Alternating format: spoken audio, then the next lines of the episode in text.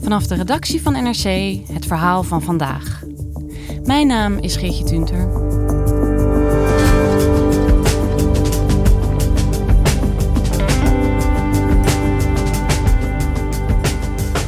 Griekenland bouwt langs zijn grens met Turkije een muur van 40 kilometer lang en 6 meter hoog. Maar terwijl de muur van Trump het nieuws beheerste, bleef het rondom deze grensmuur stil, merkte correspondent Bram Vermeulen. Verrijst hier een nieuw ijzeren gordijn?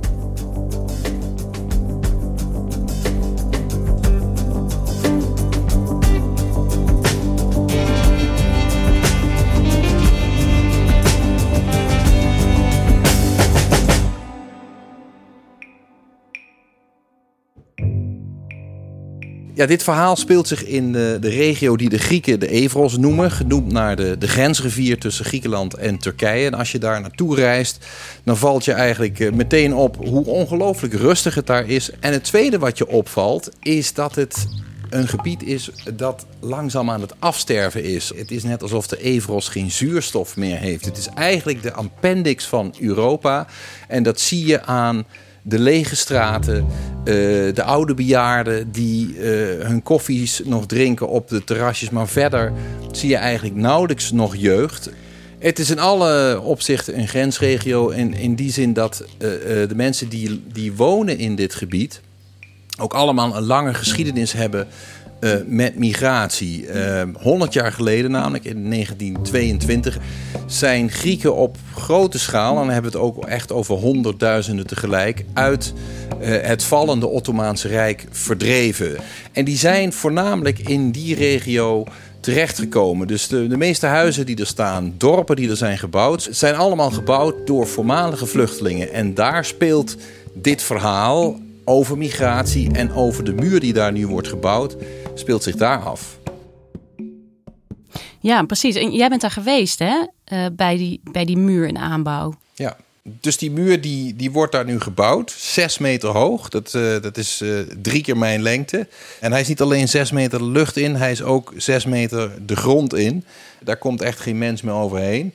En 40 kilometer lang loopt hij dus langs de Evrosrivier die Griekenland en Turkije van elkaar scheidt. Uitgerust met um, ook nog tal van camera's. Uh, camera's die kilometers lang uh, ver kunnen kijken, uh, maar ook hitte kunnen meten. Dus zelfs als je s'nachts zou oversteken, word je alsnog gedetecteerd in het grensgebied.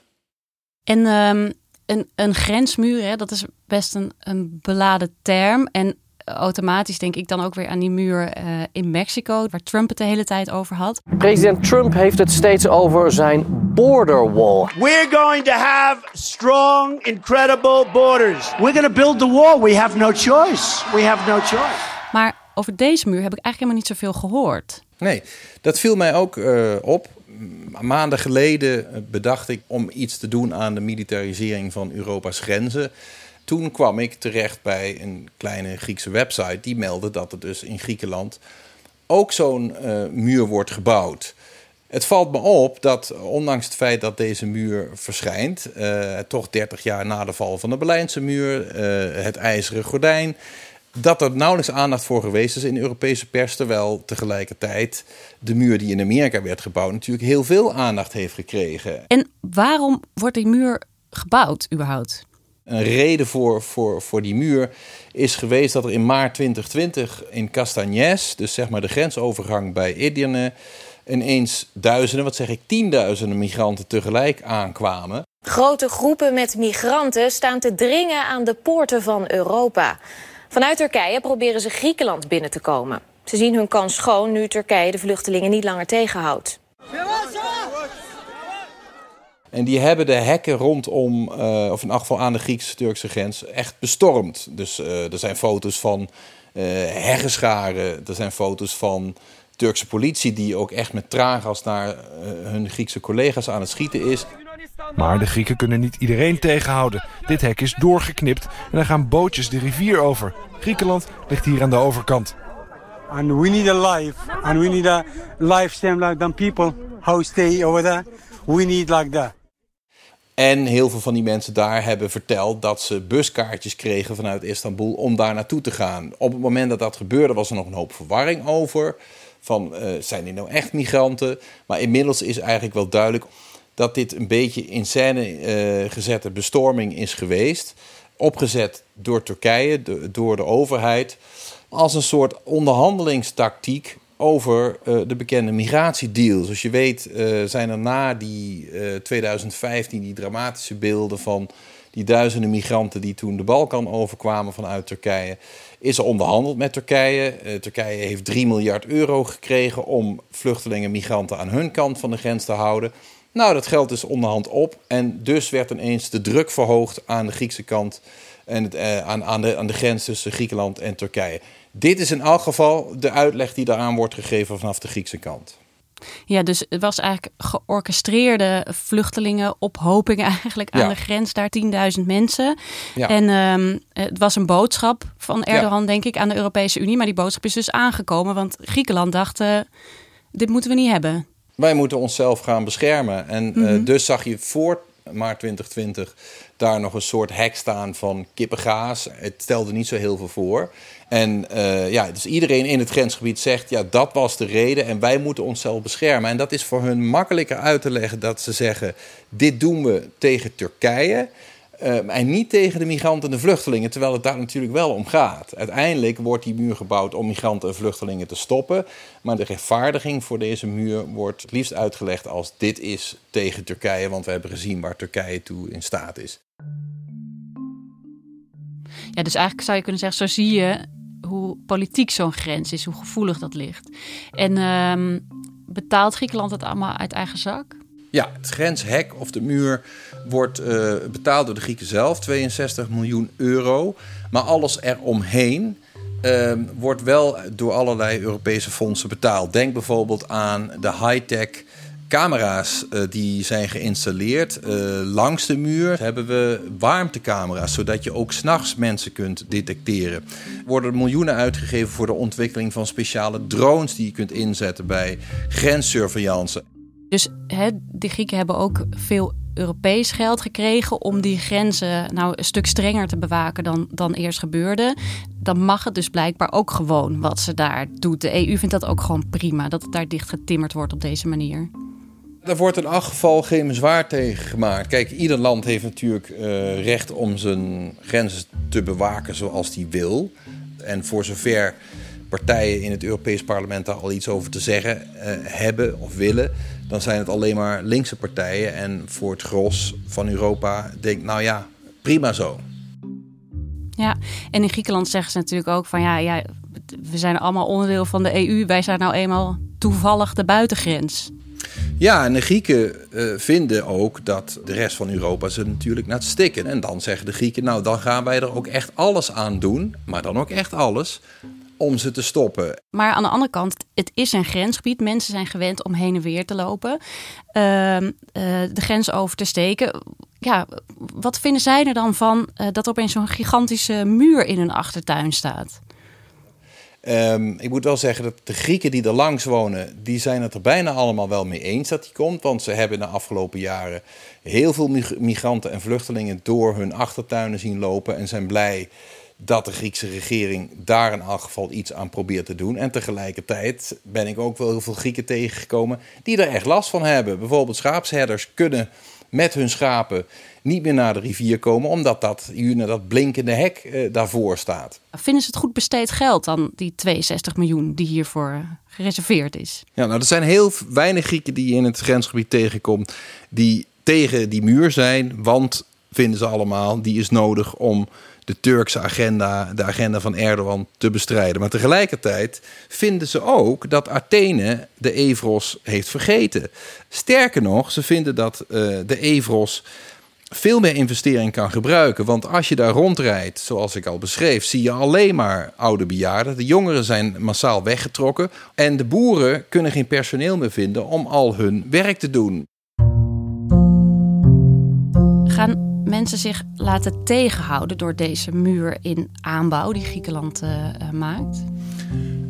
Ehm, nou, dat, dat heb ik aan de aannemer gevraagd. En die begon eigenlijk te lachen. En die zei: Nou, je hoeft niet eens zo heel erg slim te zijn om er nog omheen te lopen. Want laten we niet vergeten: het is maar 40 kilometer op een grens van 200 kilometer. Dus nog geen kwart van, van de grens wordt uiteindelijk die muur gebouwd. Eh, verder dan dat gaan ze voorlopig in elk geval niet.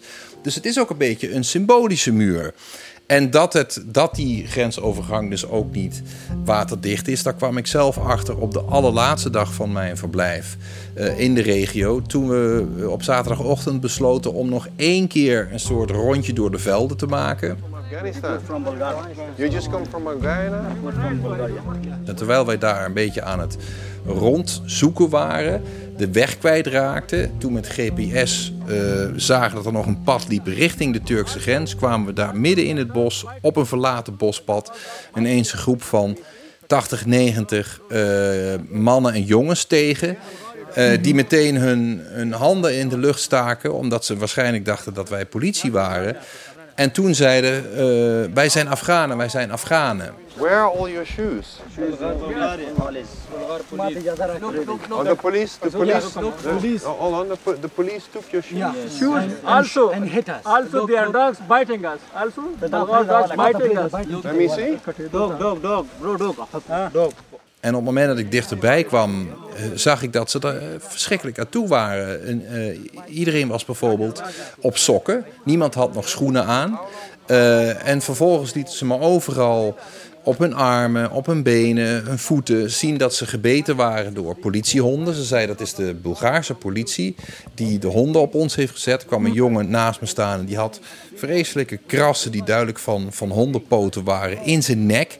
Had ook ehm, nou ja, aangekoekt bloed eigenlijk op zijn neus zitten. Het paste heel erg in het verhaal wat ik al gehoord had in het grensgebied van dorpelingen. Die zeiden dat de Bulgaren behoorlijk hardhandig te werk gaan op het moment dat zij migranten tegenkomen. Uh, mm. En dat ze dus ook uh, mensen soms zelfs hun kleren afnemen en migranten naakt de grens overzetten. Dus uit pure vernedering.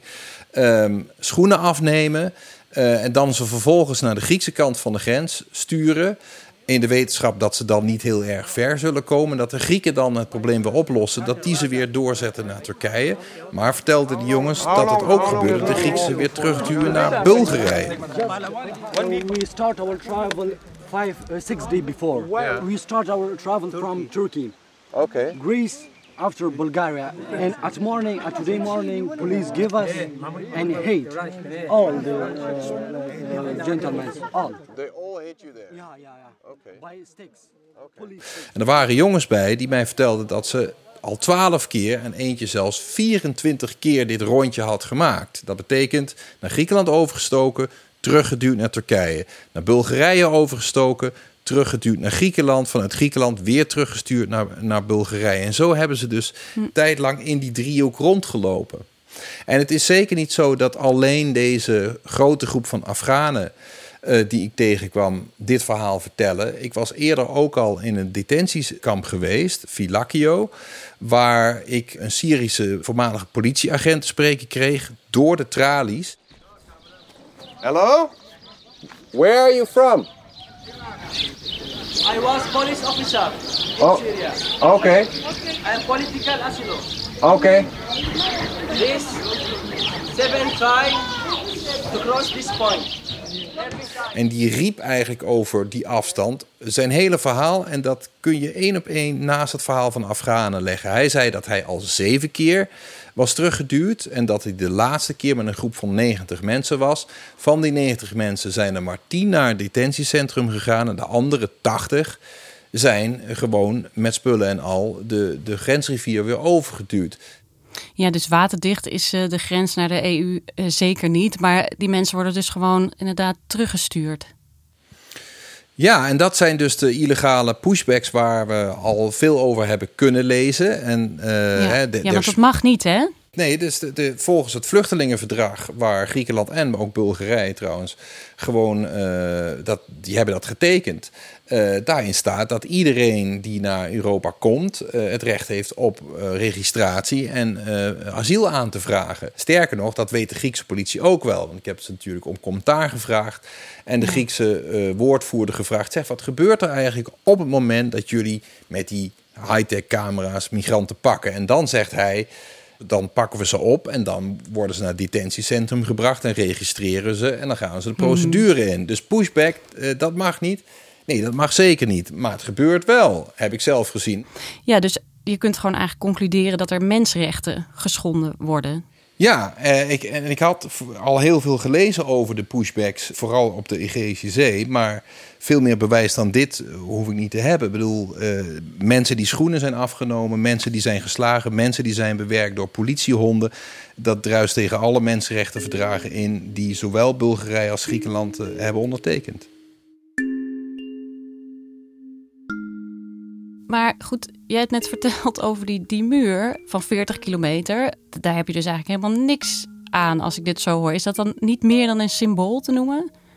Het is een politiek symbool. De regering, de Griekse regering, kan laten zien aan, aan, aan zijn kiezers dat ze iets doen. Eh, naar aanleiding van die schermutselingen van een jaar eerder. Maar iedereen beseft dat met een muur alleen je de grens niet kunt bewaken. Maar kijk, als ik dit allemaal zo luister. Hè, in 2015 hadden we natuurlijk die enorme vluchtelingencrisis aan de Europese grenzen. Dan hebben we de Turkije-deal gehad. Maar ja, dit verhaal uh, uh, aanhoren, denk ik ook. Wat zijn we nou eigenlijk opgeschoten in die tussentijd, in de afgelopen jaren? Nou ik denk dat degene die er het meest mee opgeschoten is, zijn de bedrijven die verdienen aan de grensbewaking. En vergeet niet, dat zijn vaak dezelfde bedrijven die ook verdienen aan de oorlogen uh, in Syrië, uh, in, in Saoedi-Arabië, in Afghanistan. De, uh, dezelfde bedrijven die de bommen maken, zijn ook vaak de bedrijven die nu weer helpen bij de camerasystemen, de dronesystemen en, en de verstrengde grensbewaking. Dus je ziet eigenlijk gewoon, zo'n grens is, is eigenlijk gewoon een verdienmodel. Ja, het is zeker een verdienmodel. En er zijn veel bedrijven die nu uh, speciale drones aan het ontwikkelen zijn voor grenssurveillance bijvoorbeeld.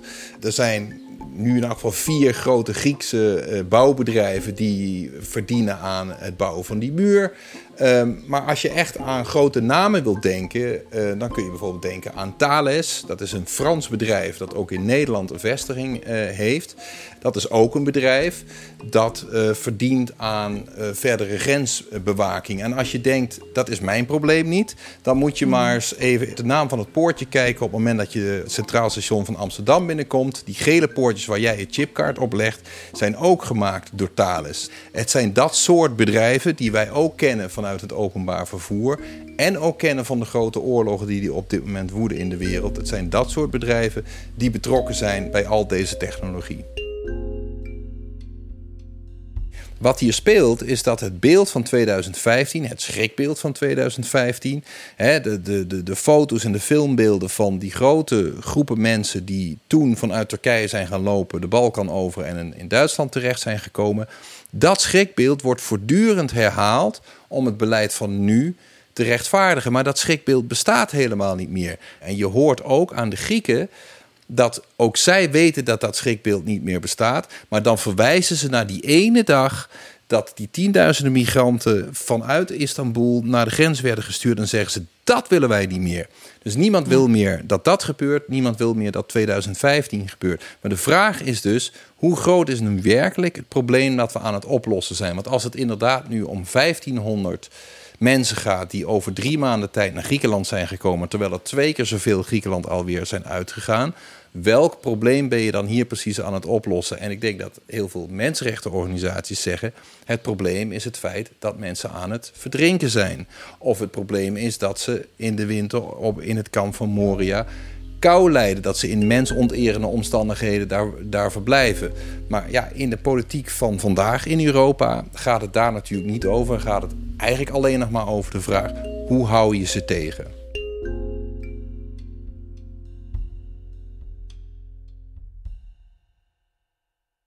Dankjewel, Bram. Graag gedaan.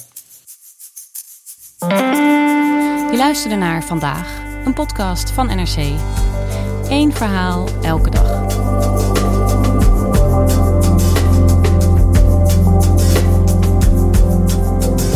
Deze aflevering werd gemaakt door Lis Doutsenberg en Jeroen Jaspers. Dit was vandaag, morgen weer.